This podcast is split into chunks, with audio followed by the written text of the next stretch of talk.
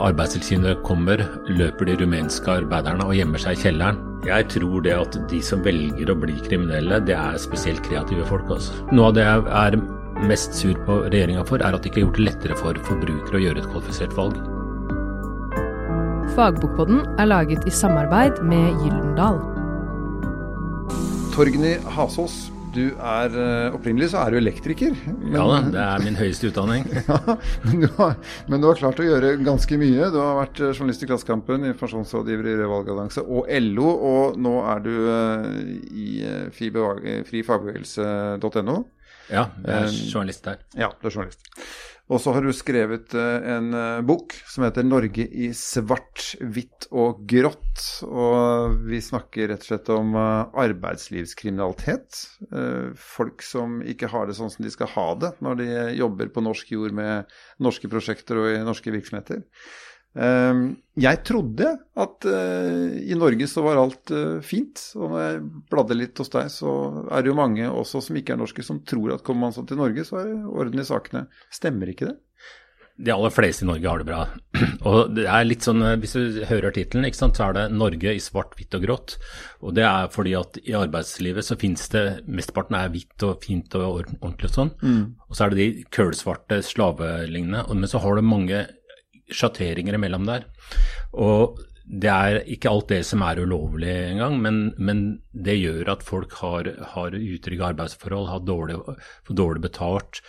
Sånn at um, for uh, de fleste av oss som har sånn 9-4-jobb og er født med vafler og geitost, vi, vi, som kan språket og, og sånn, vi, vi, klarer oss greit.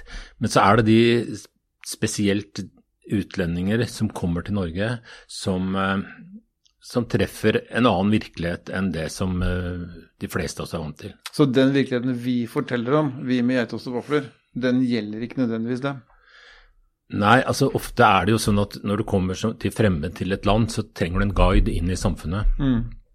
Ofte er denne guiden en fra ditt hjemland som har vært der før. Og så da blir det ofte sånn at uh, det er hjemlandets regler som gjelder. Mm. Og det, det gjelder på, på, mange områder. Det gjelder både sånn arbeidsmiljølovgivning, uh, om hva slags stillas du skal bruke, men det er også sånn, uh, sånn i forhold til myndighetene, i forhold til korrupsjon, i forhold til arbeidstid, og ikke minst sånn er du lojal overfor staten og samfunnet, samfunn som helhet, eller har du lojalitet til dine landsmenn, til din familie. Mm. Og, det, og da er jo ofte det språket er jo en, en barriere som gjør at uh, Altså, det er, ikke, det er, ikke, vondt ment. Det har ingenting med at folka som kommer uh, hit, har vonde viljer eller sånn.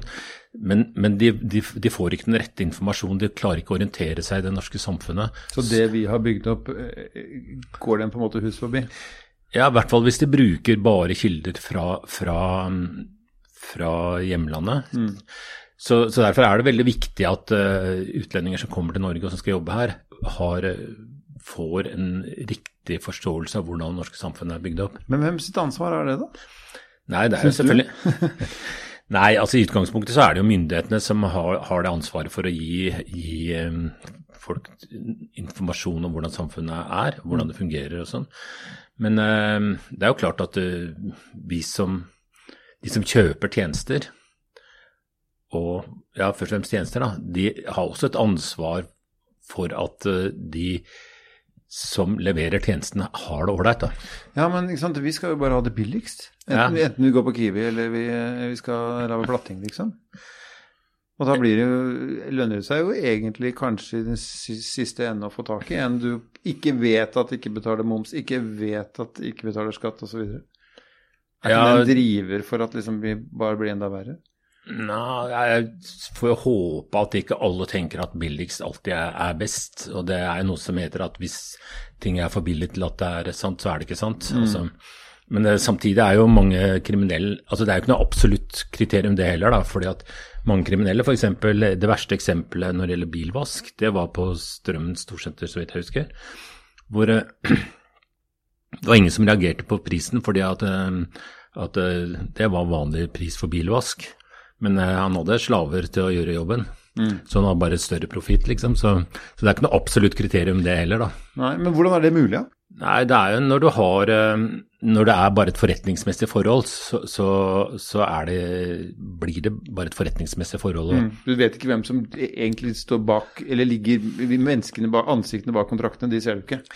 Nei, og så, er det jo litt forskjellig fra bransje til bransje. sånn i, bygg, i de bransjene som er allmenngjort lønn, altså hvor du har innført en norsk minstelønn, mm. så har også oppdragsgiveren har, har, ansvar for å se at de som leverer tjenesten, også uh, betaler folka sine ordentlig. Mm. Du har det som heter solidaransvar, da, som gjør at uh, at du sjøl som kunde eller som tjenestekjøper har, har plikt til å, å, å, å kontrollere at det, de, får, de, ansatte får riktig betalt. Mm. Du peker jo på sånne eh, Også på makrobildet i, i, i, verden vår. Altså den største folkeforflytningen i verdenshistorien foregår nå. Ja. Eh, hva tenker du den har av betydning for, eh, for denne type problematikk, da?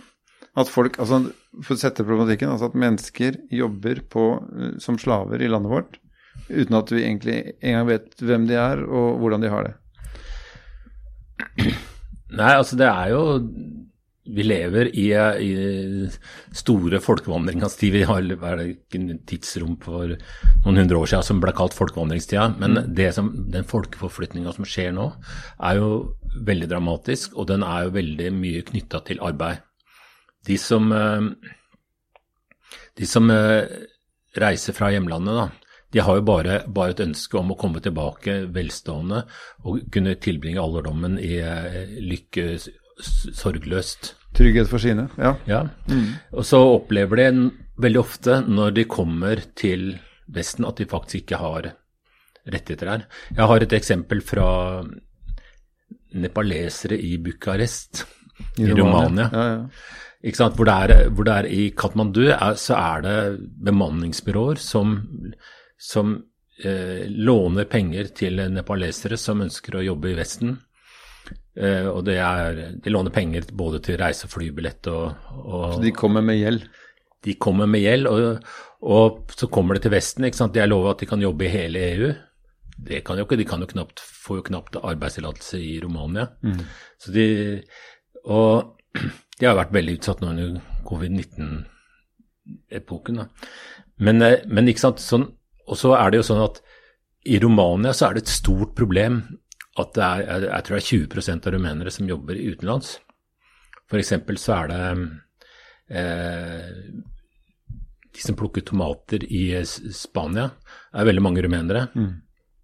Og vi har hatt rumenere i Norge. Men en konsekvens av det er jo at barna deres blir overlatt til besteforeldrene. Så du får liksom en, en tapt generasjon rumenske barn også. Mm.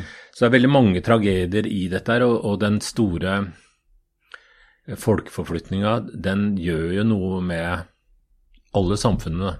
I Nepal, i Romania, og også når det kommer til Norge. ikke sant? Mm. I boka så forteller jeg om en historie fra Ivar Aasens vei på Vinneren hvor Arbeidstilsynet kommer, og da løper de rumenske arbeiderne og gjemmer seg i kjelleren fordi de ikke vil bli tatt. Og de har jo ikke opphold, de, men de får bare 50 kroner timen, ikke sant. Mm. Og, og det er, så det er veldig sånn nøye vevd sammen. Men det er liksom skjedd en stor endring i kommunikasjon i verden. Og det er på to plan. Det ene er internett, som gjør at du kan skaffe deg kontakter, du kan skaffe deg informasjon om hvordan det er andre steder. Mm. Uh, og det andre er jo da flytrafikken. Sånn unntatt nå det siste året, da, så, så har jo å fly fra Katmandu til Bucuresti, da, det, er, det, koster ikke mange årslønner. Altså det er dyrt, men, mm. men, uh, men sånn at alt det, at disse to tingene til sammen gjør at, at, det blir en helt annen mobilitet i verden enn, enn det vi er vant til å tenke på. Men uh, man skulle jo egentlig tro at hvis mennesker kunne reise dit de trengs eh, sånn yrkesmessig, da mm. eh, Vi har jo miniversjonen av det som Nav sier. altså Hvis du ikke får jobb, så kanskje du må flytte for å få jobb. ikke sant? Mm. Altså det er jo, vi, vi, praktiserer jo Det er jo egentlig en ganske naturlig konsekvens. Vi har jo alltid gjort dette. Dratt til steder hvor det er noe å gjøre. Eh, er det egentlig en negativ ting? i utgangspunktet, eller er det bare at vi håndterer det for dårlig? Ja, hva skal jeg svare på det? altså det er jo, altså Jordbærsesongen i fjor viste jo hvor uh, katastrofalt sårbare vi er for uh, når vi mangler utenlandsk arbeidskraft, og i og for seg kanskje i år også. Mm. Uh, så det er jo Men det viser også hvor lite vi har lyst til å betale for dette her. Ja, jeg, jeg, klarer ikke helt å kjøpe den at vi vil betale så lite hele tida. Mm. Jeg tror faktisk det at hvis, hvis jordbær kosta 100 kroner kurven, at folk blir kjøpt allikevel. Ok, så du bare tror vi gidder ikke å plukke jordbær? Nei, det, det, er en annen sak. Men, men, men jeg tror at i, i, i den store forflytninga så er det mange kriminelle ledd. Sånn folk med uærlige hensikter som profitører, da, kan mm. du kalle dem. Som får vinduer til å gjøre ting? Ja, som, som uh, lurer folk. Og du nevnte jo sjøl kommer til Europa med gjeld, ikke sant. Mm. Altså, Gjeldsslave har jo fått en helt ny betydning. Altså, det er eh, folk som eh, kommer til Norge, jobber i Norge, som, som har enorm gjeld, som derfor ikke tør å reise hjem, ikke kan reise hjem. Mm. Altså, For da forfaller gjelda? Ja. ja. Altså Sånn som nå, ikke sant, så har vi den, venter vi jo på den andre dommen i Lime-saken. Den mm. store saken om uh, dagligvarekjeden Lime. Mm. Og der, der, brukte eh, de tiltalte brukte jo uh, konkret gjeld for å få, få ofrene, binde dem til, til slaveforhold i butikken. Mm. Fordi at da kunne gjelda forfalle fort hvis ikke de gjorde som du fikk beskjed om? Ja, så hadde kontakter i, i, i hjemlandet som kanskje ja, Han betaler ikke dem og, og går ut av familien. I, mm. altså, så, men det er som du sier, ikke sant? det er mange sjatteringer her mellom svart og hvitt. Det er mye, mye grått. Men hva skjer da hvis du, hvis du opplever noe sånt, og du, du gjør som en med geitost og vafler gjør? Løper til politiet og sier at han blir utsatt for noe her? Altså, har, har, disse menneskene større å gjøre av seg? Ja, det fins uh, løsninger for, eh, for uh, offer for menneskehandel. Og det har blitt mer oppmerksom på det. Frelsesarmeen har, har, det de kaller Safehouse. Safehouse Filemon. Som, det er et kapittel i boka som jeg ikke har skrevet, men så er det tre forskere på Høgskolen Weed som har, avskrevet, skrevet, hvor de har intervjua beboere på dette safehousen. Mm. Også, og hvor, så det fins alternativer, da. Det er også et eksempel i boka fra en indisk restaurant i Stavanger hvor, hvor eh, de, de, indiske kokkene velger å gå til Arbeidstilsynet fordi at det er umenneskelige arbeidsforhold. Altså, mm. De jobber rett på et kjøkken med 1,60 under taket, ikke sant. Mm. Så, Men terskelen høres ut som den er høy, da, før noen gjør noe. Altså, ja. Forholdene er på en måte ekstreme i forhold til norsk standard. da. Ja. Men, men forutsetning for å gjøre det, da, det er jo å ta tillit til at de som gjør noe, nei, de du kontakter, kan gjøre noe. Mm. Hvis du da tror sånn som de i Ivar Aasens vei, på Vinneren. Hvis du, hvis du, tror at når de kommer med gule vester, så skal de ta deg og hive deg ut, så, så, så er det klart du gjemmer deg. Mm. Men hvis du tror at de kan hjelpe deg ut av en vanskelig situasjon, så kommer du og forteller historien. Men skjønner du at de gjemmer seg? Ja, for de hadde, hadde, jo, ikke, de hadde jo ikke opphold i Norge. Nei, ikke sant? Og det, det er på en måte Det er jo et stort dilemma at eh, de eh, Veldig mange av de som blir tatt i disse sakene, er jo, er jo brudd på utlendingsloven. Mm. Og det, det, er den laveste, eh, enkleste veien for, for, politiet å gripe fatt i. Da. Det er jo brudd på utlendingsloven. Ja, ikke sant? Og da, da, er det jo sånn, du har ikke lovlig opphold, du jobber her ulovlig, ut. Og da løser de den saken, ikke sant. Og de får, får Da har de et papir mindre i bunken? Ja, ikke sant. Ja. Et, forbedra statistikken, da. Mm. Eh, og så har du ikke sant, for du har på en måte Når det gjelder disse forholdene, så har du arbeids, brudd på arbeidsmiljøloven, og så har du menneskehandel. Og der, der er det i, og Det er ganske vanskelig å få dømt noen for tvangsarbeid og menneskehandel i Norge. Mm. Um, det, det er uh, nesten umulig. Altså det er noen få tilfeller av det. Men i veldig mange tilfeller så, så er, det, er, det, andre elementer av, av uh, utnyttelse da, som ikke når opp til, til menneskehandelsterskelen. Kvalifiserer liksom ikke til, til noe så grovt? Nei. Ja. Så jeg siterer han Lime, statsadvokaten, han Geir Evanger, i boka, og han foreslår å lage en sånn midt imellom, da. Mm. En, en, slags um, ja, at hvis du utnytter folk hvis du, i arbeidsforhold, hvor du utnytter din maktposisjon som arbeidsgiver overfor arbeidstaker, så kvalifiserer det til straff. Mm. Som jo er, som er, skal være strengere straff enn hvis du bare liksom er brudd på overtidsbestemmelser og, og Brudd på rammene, ja. Mm. Dårlig lønn, liksom. Mm. Eh, eh, hvilke bransjer Du snakker om dette solidariske ansvaret, ikke sant, som vi jo da alle har, på et vis.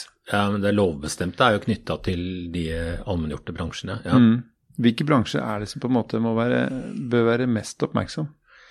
Nei, det er jo klart For de fleste vanlige folk så er det jo byggebransjen. Altså når du øh, bygger hus, så, så, er det jo på en måte Det er jo den største investeringa de fleste gjør mm. i livet, ikke sant. Og mm. da, da, er det Da er det viktig at du er oppmerksom på dette her.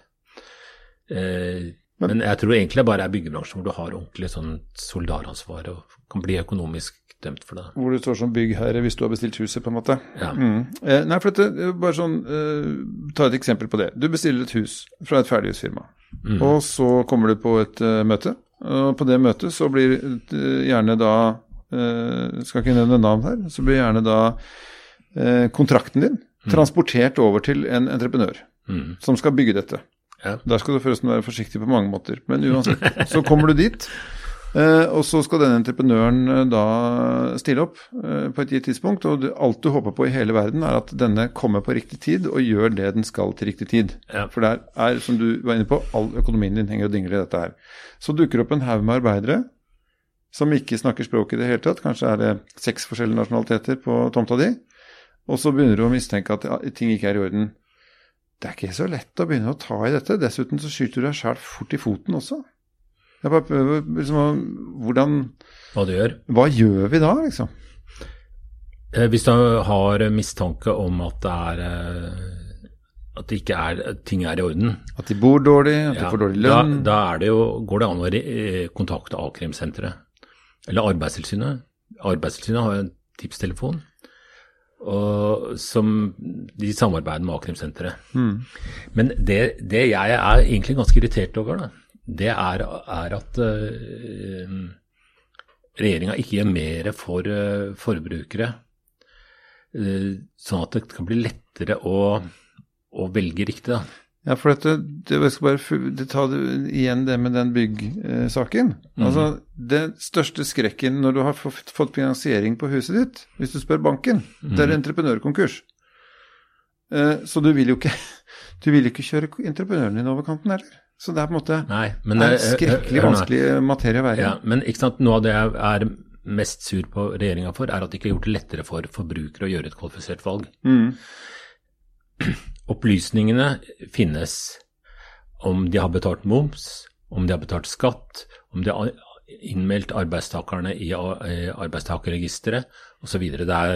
Om de har HMS-kort altså Det fins noen sånne helt objektive kriterier. Mm så går det an å ha Du trenger ikke gå inn på, på registrene og sjekke det. Du kan ha, ha et uh, trafikklyssystem eller smileys. Et slags vaksinepass? nei, nei, men smileys Altså på en måte at du Hvis alt er eh, gjort etter boka, så mm. får du grønt. Hvis du uh, henger rett på en momstermin, så får du gult. Mm. Og hvis du, ikke er, hvis du driver helt uh, åpenbart med grums, så får du rødt. Mm. Og da, da, kan, hvis du har et system hvor, hvor, forbrukeren kan gå inn og sjekke entreprenøren før skriver kontrakta, så, så, kan du på en måte få stoppa det. Og da veit entreprenøren det. Det er lett for forbrukeren å sjekke dette her. Mm. Og dette her er mulig. Jeg har sjøl hørt eh, sjefen i Brønnøysundregistrene fortelle at vi har et system som ligger klart. Det eneste som mangler, er, er hjemler til å sette i verk. Og det er, det er, to år siden han uh, sa det, og det har ikke skjedd noen ting. Hva er det som stopper han, tror du?